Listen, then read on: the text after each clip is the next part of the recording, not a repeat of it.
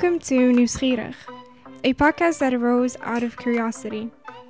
Every episode, there is a central question or topic. This episode, that topic is logic. Our guest is Aldo Ramirez Abarca. He did a bachelor's in mathematics and a master's in logic. He's writing his thesis relating to logic as we speak. I think his thoughts on logic, applications of it, problem solving, the act of measuring are really captivating, and I hope you will too. This is the first English language episode. it's a primarily this is a primarily Dutch language podcast. If you're here for the first time due to that, welcome. And if not due to that, also welcome. I really enjoyed this conversation and I hope you will too. Without further ado, here's Aldo Abarca. I always um, introduce the guest in a separate intro Mhm. that I can then edit together. All right. So assume you've been introduced. I assume that I have been introduced. okay. Um, Thank you for that lovely introduction. you're very you're very welcome. Yeah. Um, Aldo, I uh, I wanted to start with a puzzle or riddle. All right. Um, and you already know this riddle, of course, but um, and after Do I've I? Maybe I know it. I don't know. We'll see. we'll see. Um, and after I've introduced the riddle, we can talk more about how uh, what we can learn, which Alright. way we have to think about it to solve it. Mhm. So there are three people: Yeah. Andy, Birdie, and Cle- Clementine. But Mm. let's just, for simplicity, call them A, B, and C. So A, B, and C have each have a number on their forehead. They cannot see themselves, but they can see each other.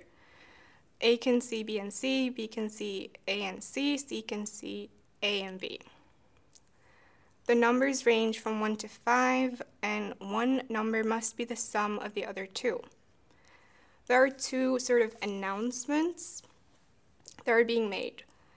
A says, I don't know what's on my forehead, but I know that B doesn't know it either. Then C says, At first I didn't know whether I had the lowest number, but now I suddenly do.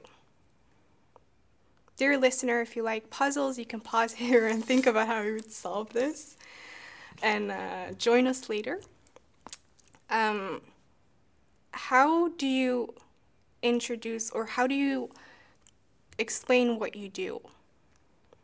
About how uh, Like, if, tackling the puzzle in order to solve it. no, like generally, if I ask you, like, what do you do? When I have a question like that, Yeah, what do you say? Well- like, what do you explain? I think that the first thing that I do, or that that's very personal, as I start sort of stressing out about uh,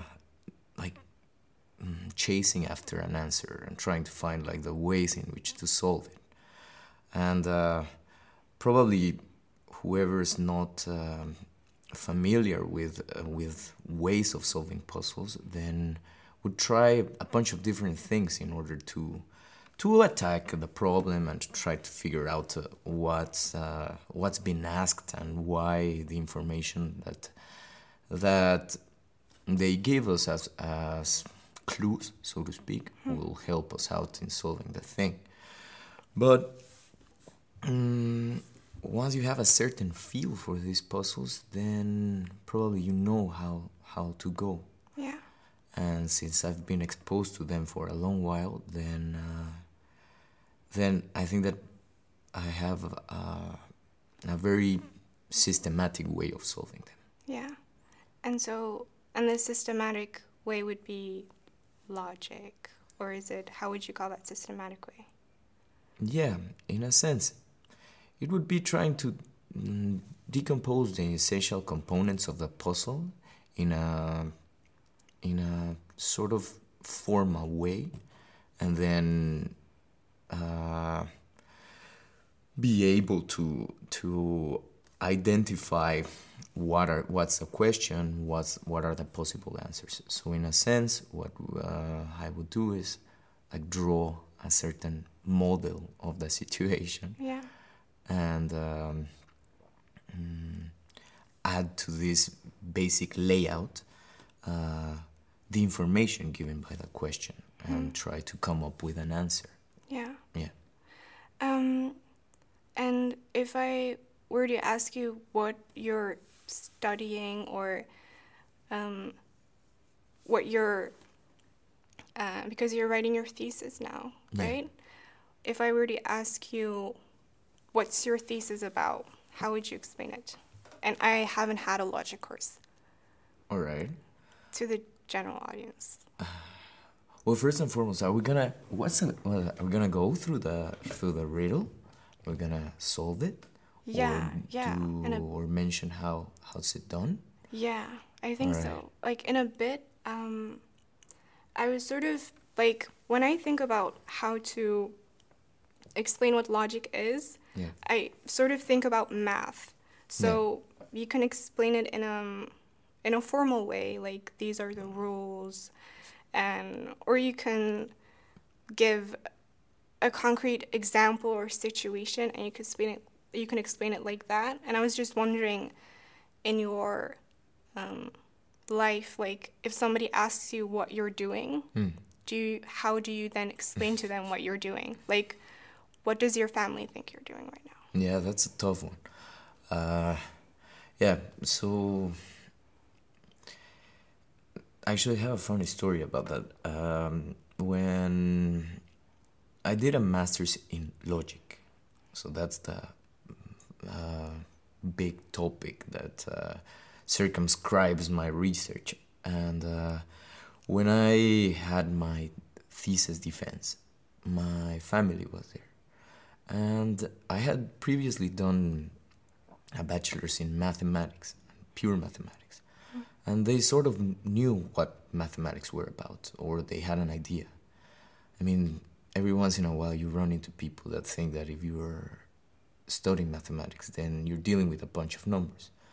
But, uh, like, some other people um, actually know that. Um, studying mathematics is much more about uh, not about the numbers but about uh, formal languages and uh, about uh, being able to produce uh, true statements with informal languages that have applications all over science.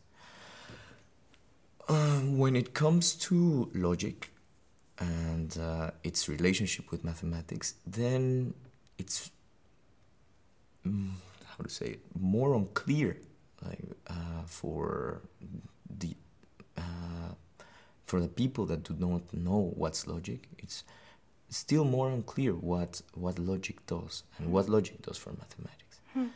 So uh, even if my family was uh, uh, had a, basic idea of what I did when I was studying uh, mathematics, they didn't when I was doing logic. And uh, I remember that I had this um, thesis defense. It was supposed to last 20 minutes. I had friends coming in from um, all over the place, and they they were all like, "Well, I don't know what logicians do. I think they probably just sit around solving sudokus all day." And I really wanted to sort of be able to paint a picture for them about what is it that I did for the previous two years. And um, turned out to be a complete failure because I, I realized that I had to build up so many different uh, areas and topics of science from the start in order to to explain exactly what I was doing. Yeah. And uh, after, uh, after like I had the 20 minute presentation turned out to be like f- an hour long presentation. Wow. I was uh, my my the committee that was um, that read my thesis and was actually making the examination had to stop me short and say, "Hey, you're like starting from from um, Scratch. yeah, you're starting from scratch, and you should probably just focus where was the thing. And uh, so then I just go whenever people ask me, I just go with a with a standard answer of uh, what do I do, and uh, when I say that I do logic, I I explain it by saying that logic is the study of reasoning, a scientific mm. study of how to reason mm. and how to reason formally. Mm, by that, I mean to approach the process of reasoning and coming up with either questions or answers within a constrained language and in a systematic way. Hmm. Now, questions as to what, answers as to what, well, that's yeah. that's the that's the all-encompassing uh, aspect of logic. Hmm. One can make questions as to anything, and one can make a formal language as to anything. What I did in my master's, it was reasoning about knowledge and beliefs, which is called uh, formal epistemology. And what I do now in my project is the study of reasoning about knowledge, belief, responsibility, um, obligations.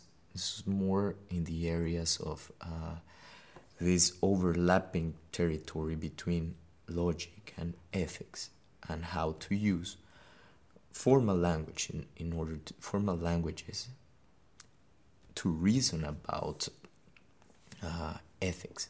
Hmm.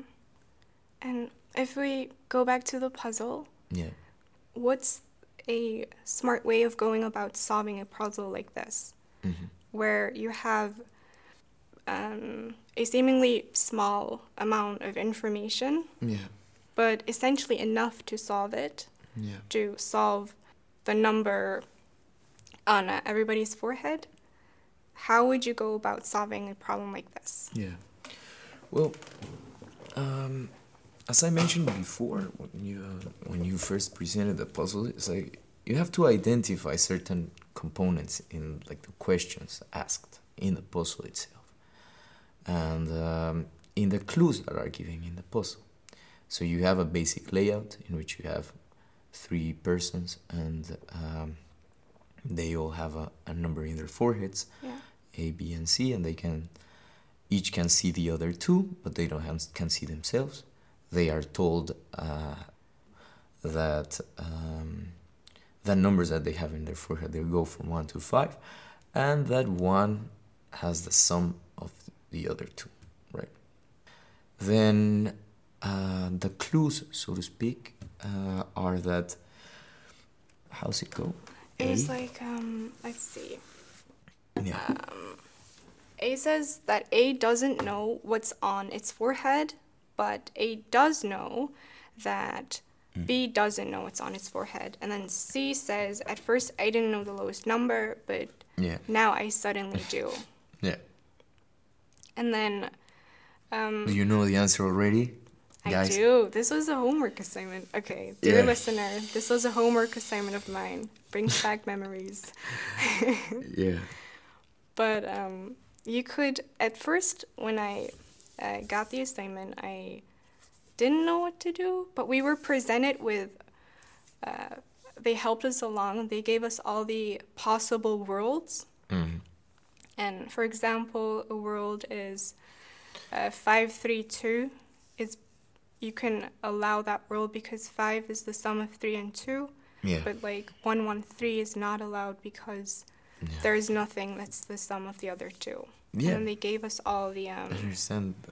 Yeah. So then, when worlds. I was talking about it, the, um, when you first mentioned, that's a natural way in which to start solving the, the puzzle, which is now not the way that I do it, right? Hmm. Uh, like if you try all the combinations, yeah, and now you use the term that it's a fairly um, established in the literature of logic, which is uh, possible worlds. That's a hmm. possible world. Yeah.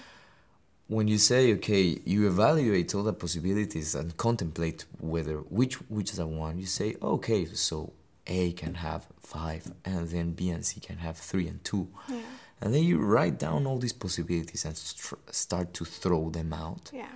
The based on the on the clues of the riddle, then that's a fairly natural way of solving it, right? And I think that that's uh, yeah, I think that anyone who's not exposed to logic then t- probably would take that road. It's like okay, what happens if A has five and B and C have three and two? Can that happen? Why? Why yes? Why Yeah. not? It feels like brute force. You try everything and then you get you're left with the one that satisfies all the Yeah. conditions.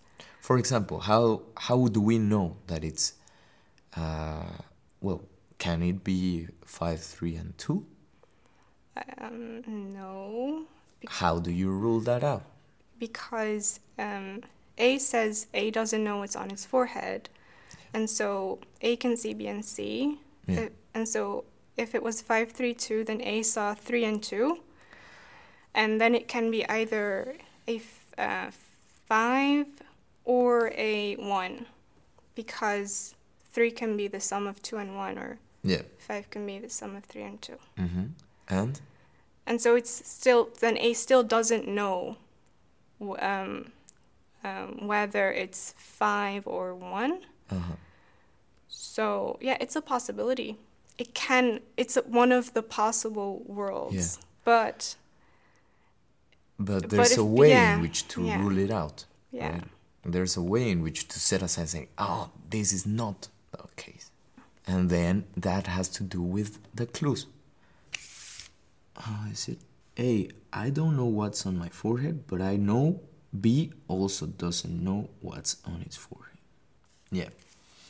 So you can, you can rule five three two because of what A says. If A has the five and sees three and two, and he says, uh, Albert, who was Andy? What was the name of A? Uh, anyway, A. Uh, I don't know what's on my forehead. If you see three and two, yeah, you don't know what's on your forehead because you can either be one or five. yes, But if I, but I also know, like I don't know, somebody, a mysterious authority told me that, or tells me that B doesn't know either. Yeah. B has a three. But B then three, but B sees five and two. And if B sees five and two, and knows, B knows that it's that the numbers can't exceed five, then he knows that he must be three because he sees uh, two and five. Then it's either that he is three, two plus three makes five, or he is seven, two plus five makes seven. But that's not it's not Not the case. Yeah, so. It's not the case that yeah, uh, that we can be five three two. Then we could go Yeah. through all all of the possible combinations, use the information that we have, keep ruling out worlds. That's essentially what uh, the way to solve these these um, these puzzles. That's a natural way in which to solve it. If mm, and systematic way of solving it, like you say, it's laying down all the possibilities and representing what the players or like the, the characters on your puzzle say and know about the puzzle and representing the, them as relationships between the possibilities and then seeing uh, which ones are ruled out after after these uh, these clues are given When I was talking to my brother about this puzzle, yeah uh, so I explained it to him. I was like, "This is what I'm doing for school," and, like- and it's- he said like two things. He said, "What were you studying again?" that was first, and then the second thing was, "Why is this useful? Like why? Like why is this? why do we want to know what's on the forehead of three mythical figures?" So I guess Do you have an answer for that? Because I'm I would truly like to know. yeah, because Yeah. um, the course uh, I took was about uh, logic and primarily epistemic logic. Yeah. What can we use epistemic logic for? let's say a standard answer to answering why or what does it help us with circles back down to to how how to approach puzzles and we're not talking now about puzzles that you see online and say okay um, if you have like, like this or a prisoner's puzzle or something you say okay how do i solve it and i try out some different ways but then, what's with all the other questions in science? In essence, they're also puzzles, right? How do we, uh, the environment presents us with questions, or more, it's more than we see questions in the environment, right? And we try to answer them. And logic, it's our tool to answer, to find a systematic way of answering these questions that we've imposed as Yeah. well on the, on the environment.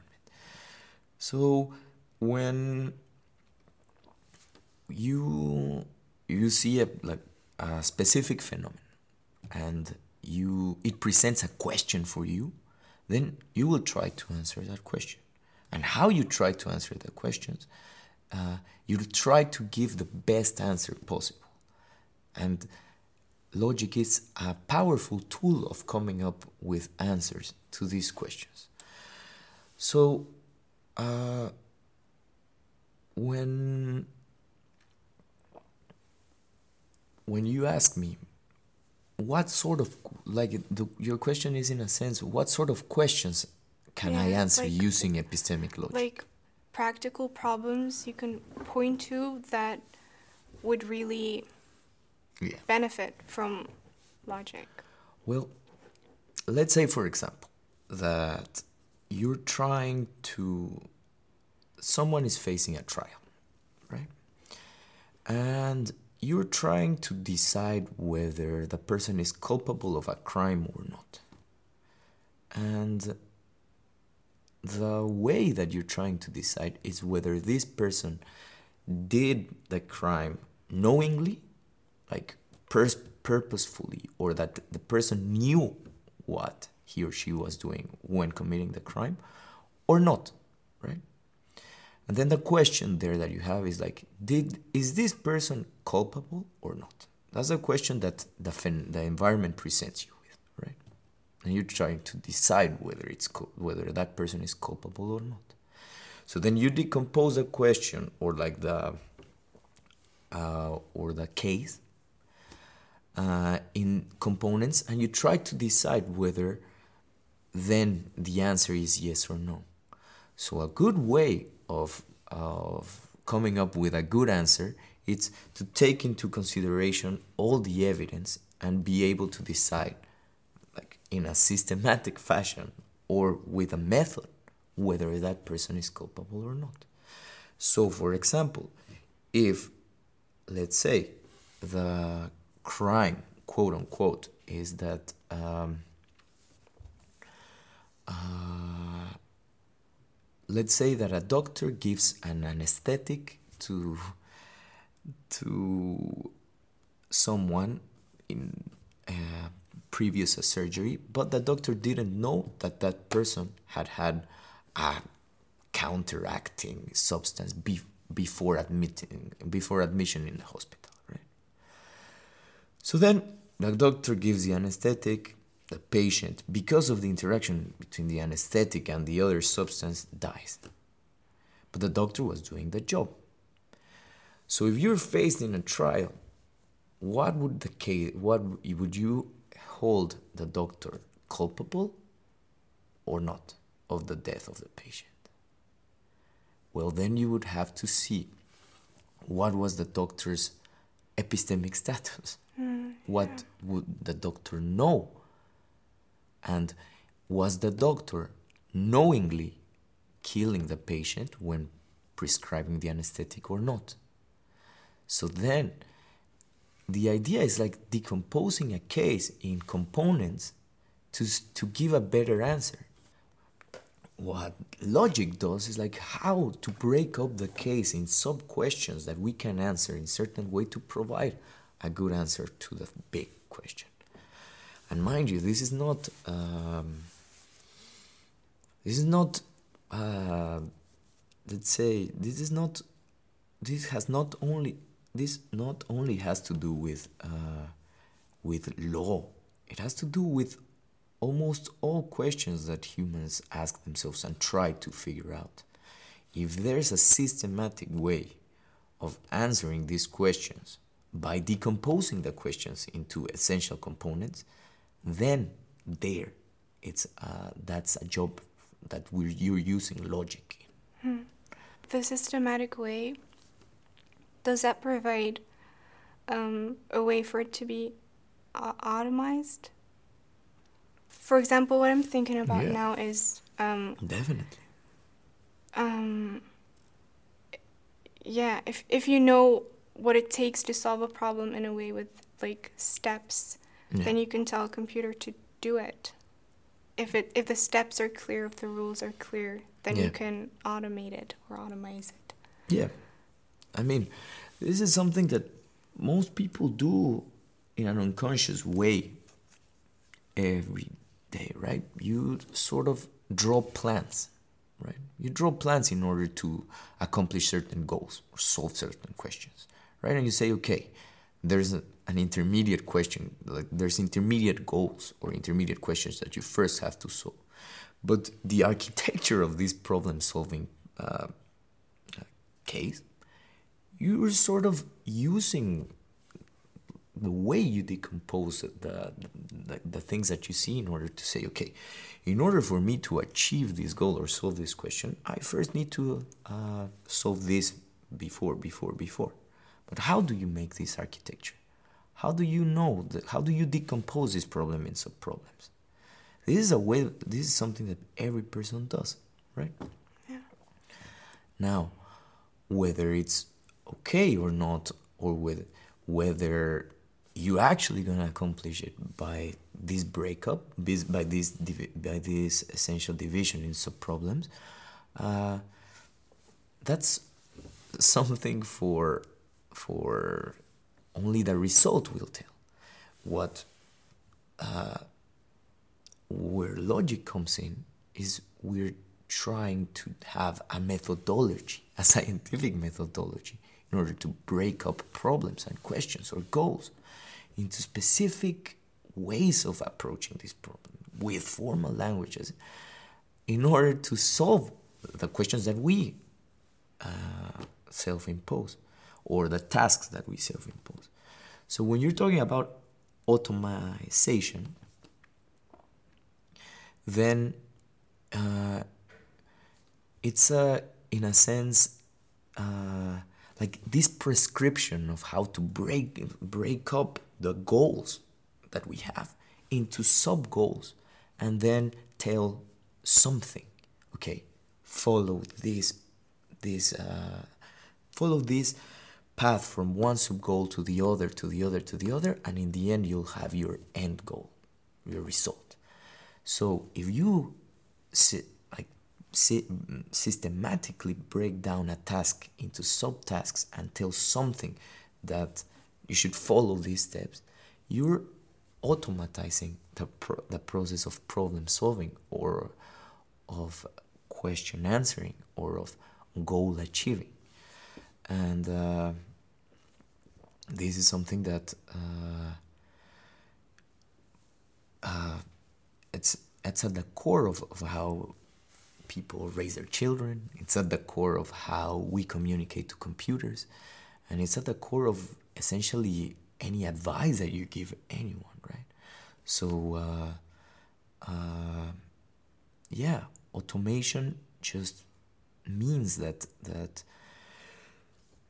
you're prescribing a systematic way to decompose a goal into sub goals and you're telling something to follow this systematic way.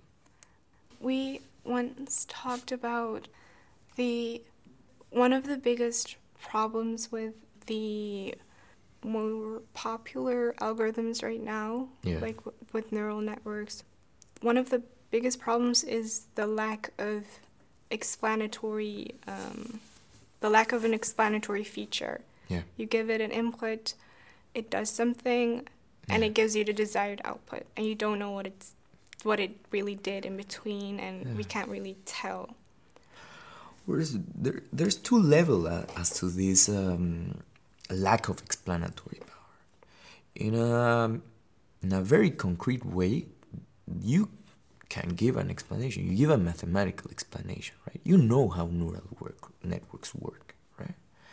There's uh, you you know that neural networks are trained with certain examples and then you know that upon receiving novel information they're just gonna uh, perform these uh, optimization techniques in order to give a like give a result on the new input based on the training on a bunch of examples right? And the idea that uh, that's the mathematical explanation of how neural networks come up with their decisions Yeah. right? That's the basic explanation. But the question is is there any insight as to this?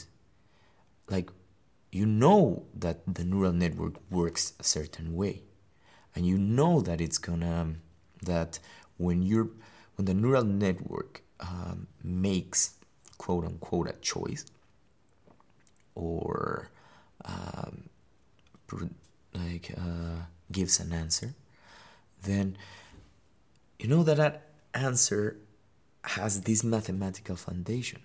But the insight as to why that answer came, then it's like, are these mathematical processes actually solving the question that I'm asking?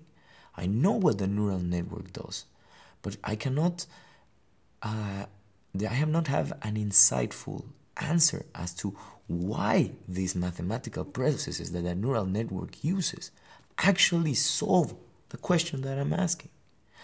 This is the problem that of uh, this is the explanatory uh, void that we face with neural networks, or that at least that I think that we that we face, or the people that I work with think we facing with neural networks, because if you ask um, a deep learning enthusiast, then they are gonna say, well, the explanation is there.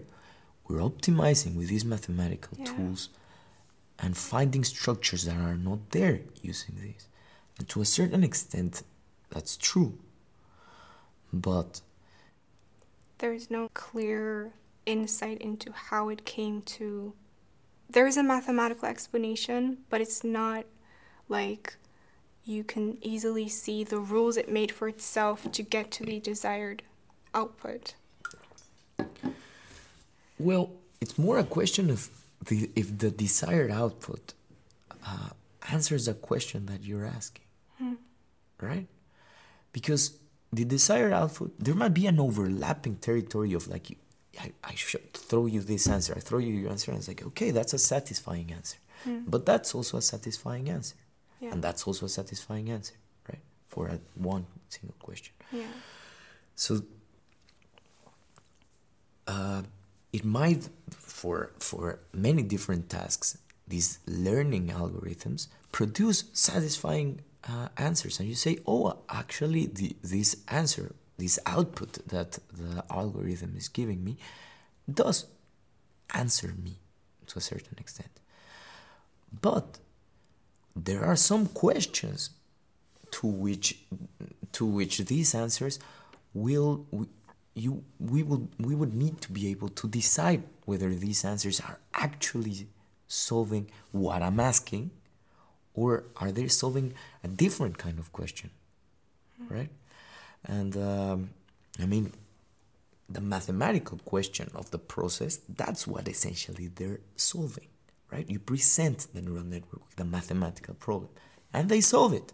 And But then you use this result to and you apply this result to solve a different kind of question, a question about uh, uh, I don't know identifying handwriting or face recognition. That's the task, right? That's a big task. And then there's a math there's a mathematical the computer turns this task into a mathematical problem and then solves a mathematical problem gives an answer to the mathematical problem and that answer has a translation to the big problem and more often than not this is a great answer right? Now we're in a, in a stage in which the power of these algorithms could give great answers.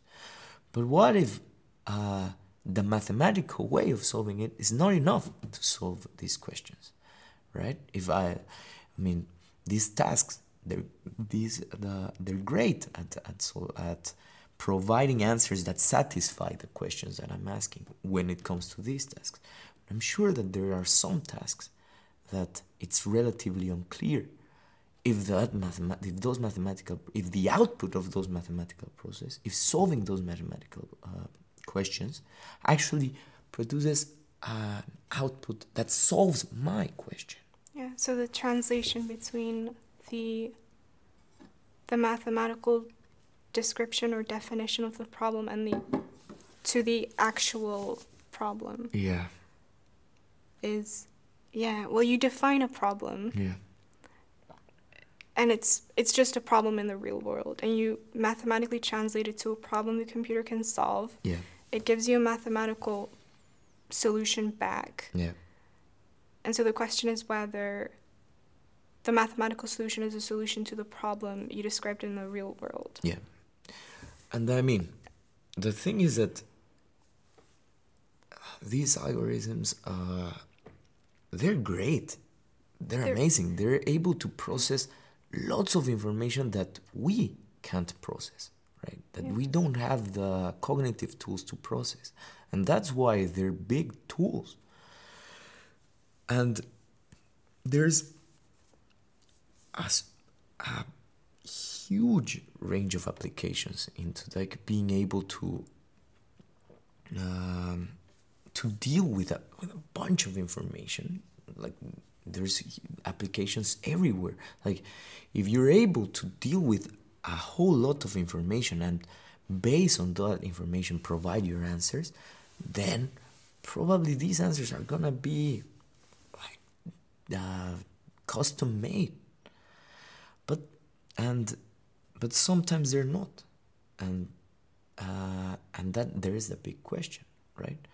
I I always mention this example. I mean, uh, in a couple of years, the um, some researchers tried to to well they they concocted this uh, legal advisor right and this was an AI legal advisor and um, like lawyers work by analyzing like codes and also by analyzing cases right that set precedents and then there's all this normativity as to how to uh, go about um, uh, approaching a novel case with all this uh, preceding um, information, right? That that as content that is included in the codes and in the cases that that establish the precedents.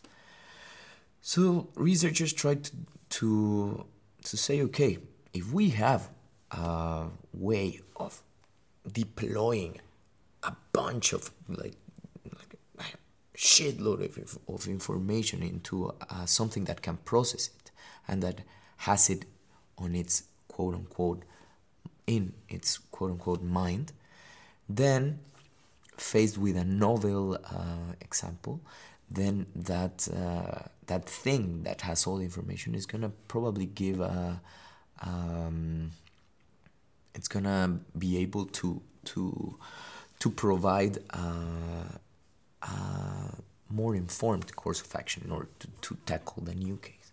And what I mean is like I'm going in circles, but what I mean is that they say, okay, we're gonna feed this uh, this learning system with law, with all the codes that we're gonna feed them with all the preceding cases that we have in the in our archives, and based on all on on all the results of these cases before and of all the and the normativity that's contained in the in the codes, then if presented with a novel case, what the legal advisor um, I don't know proposes as a as a as a potential course of action, right? How does this legal AI legal advisor advises uh, lawyers?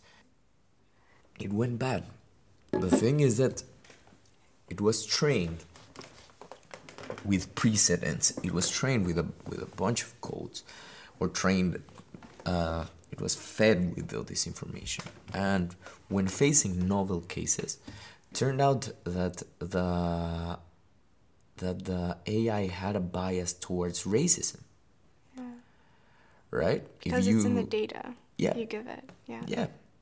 So then, if the question is, uh, give me a verdict that is just in this case, that it's that has whatever idea that we have about justice, then the mathematical task, like the huge mathematical task of using all this information, that's that was a success, right? Yeah. You output a decision, you output a a, um, a proposal. However, to anyone that proposal seems off because it's not just, right? It's kind of racist. And uh, I mean, there's a bunch of literature about like how to uh, tailor your data in order to that. and there's a bunch of heuristics about how to build up your architecture of neural networks in order to prevent this from happening we have super clever people working in order to solve these questions now uh, does, this doesn't mean that um, that there's for certain questions, there's a distance between the mathematical output and the kind of answer that I want yeah. or that we want. And um, uh, I think that that's a challenge for for for the future, I guess.